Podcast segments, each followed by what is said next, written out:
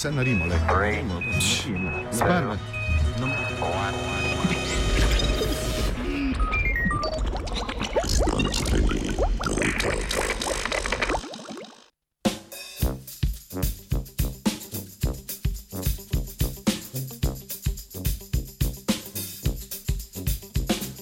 Kako si začel?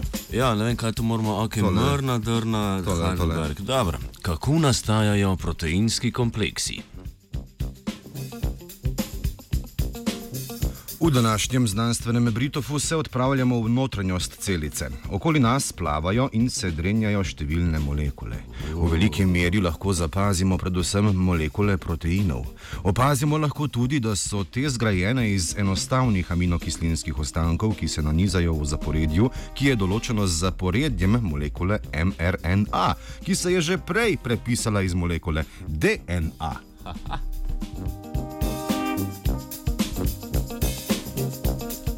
Opazimo lahko, da posamezni proteini sodelujejo v številnih procesih in med seboj sodelujejo, interagirajo in komunicirajo. Zelo pogost je tudi pojav, ko se več proteinov združi v kompleks, ki na to opravi točno določeno biološko funkcijo. V primeru, da je kateri od posameznih proteinov v kompleksu poškodovan ali pa okvarjen, se kompleks ne bo sestavil in ne bo opravil svoje funkcije in bo tako ogrozil celico. Še več, zgolj en napačno zvit protein v celici bo lahko prek interakcij z drugimi proteini vplival na njihovo strukturo in jih tako spremenil, da ti proteini ne bodo več funkcionalni. anni.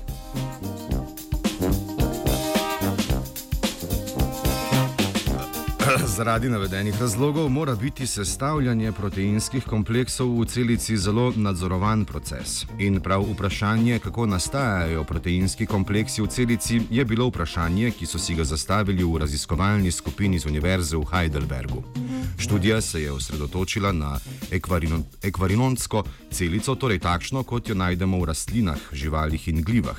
Do sedaj je v znanstveni srednji veljalo prepričanje, da se posamezni proteini najprej sintetizirajo v procesu translacije na ribosomu, na to se zvijajo ter oddifundirajo v gosto raztopino citoplazme, kjer se združijo s partnerskimi proteini, ki na to tvorijo kompleks.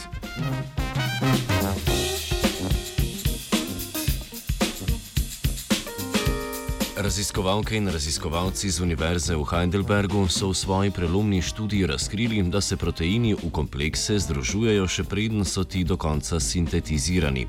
Pravimo, da nastanek proteinskega kompleksa poteka kontranslacijsko. Za uspešno potrditev hipoteze so se znanstveniki poslužili kombinacije naprednejših molekularno-bioloških metod, kot so ribosomsko profiliranje, detekcija s protitelesi ter določanje nukleotidnega zaporedja RNA. Tehnike so jim omogočile povezavo časovne ter krajevne komponente interakcij med posameznimi opazovanimi proteini.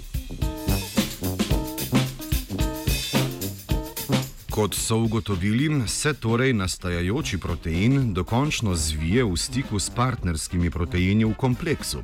Takšna regulacija je izjemno koristna, saj zmanjša možnost, da bi se nastajajoči protein nepravilno zvil in tvoril toksične agregate. Pričujoče odkritje raziskovalk in raziskovalcev iz Heidelberga predstavlja pomemben prispevek k razumevanju zvijanja proteinov ter sestavljanja proteinskih kompleksov v celici.